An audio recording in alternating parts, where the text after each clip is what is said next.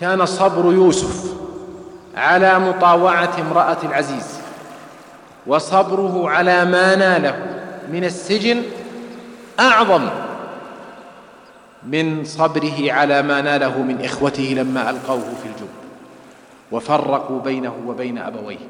وباعوه بيع العبد لماذا؟ لأن النوع الثاني صبر اضطراري لا بد ليوسف منه أما النوع الأول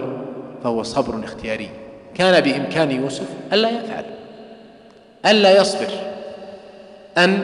يطاوع امرأة العزيز لكنه ترك ذلك كله لله سبحانه وتعالى فصبره في ذاك الميدان أعظم من صبره على ما ناله من فراق أبويه وعلى ما ناله من احتقار إخوته ومكيدتهم له وبيعهم إياه بيع العبد.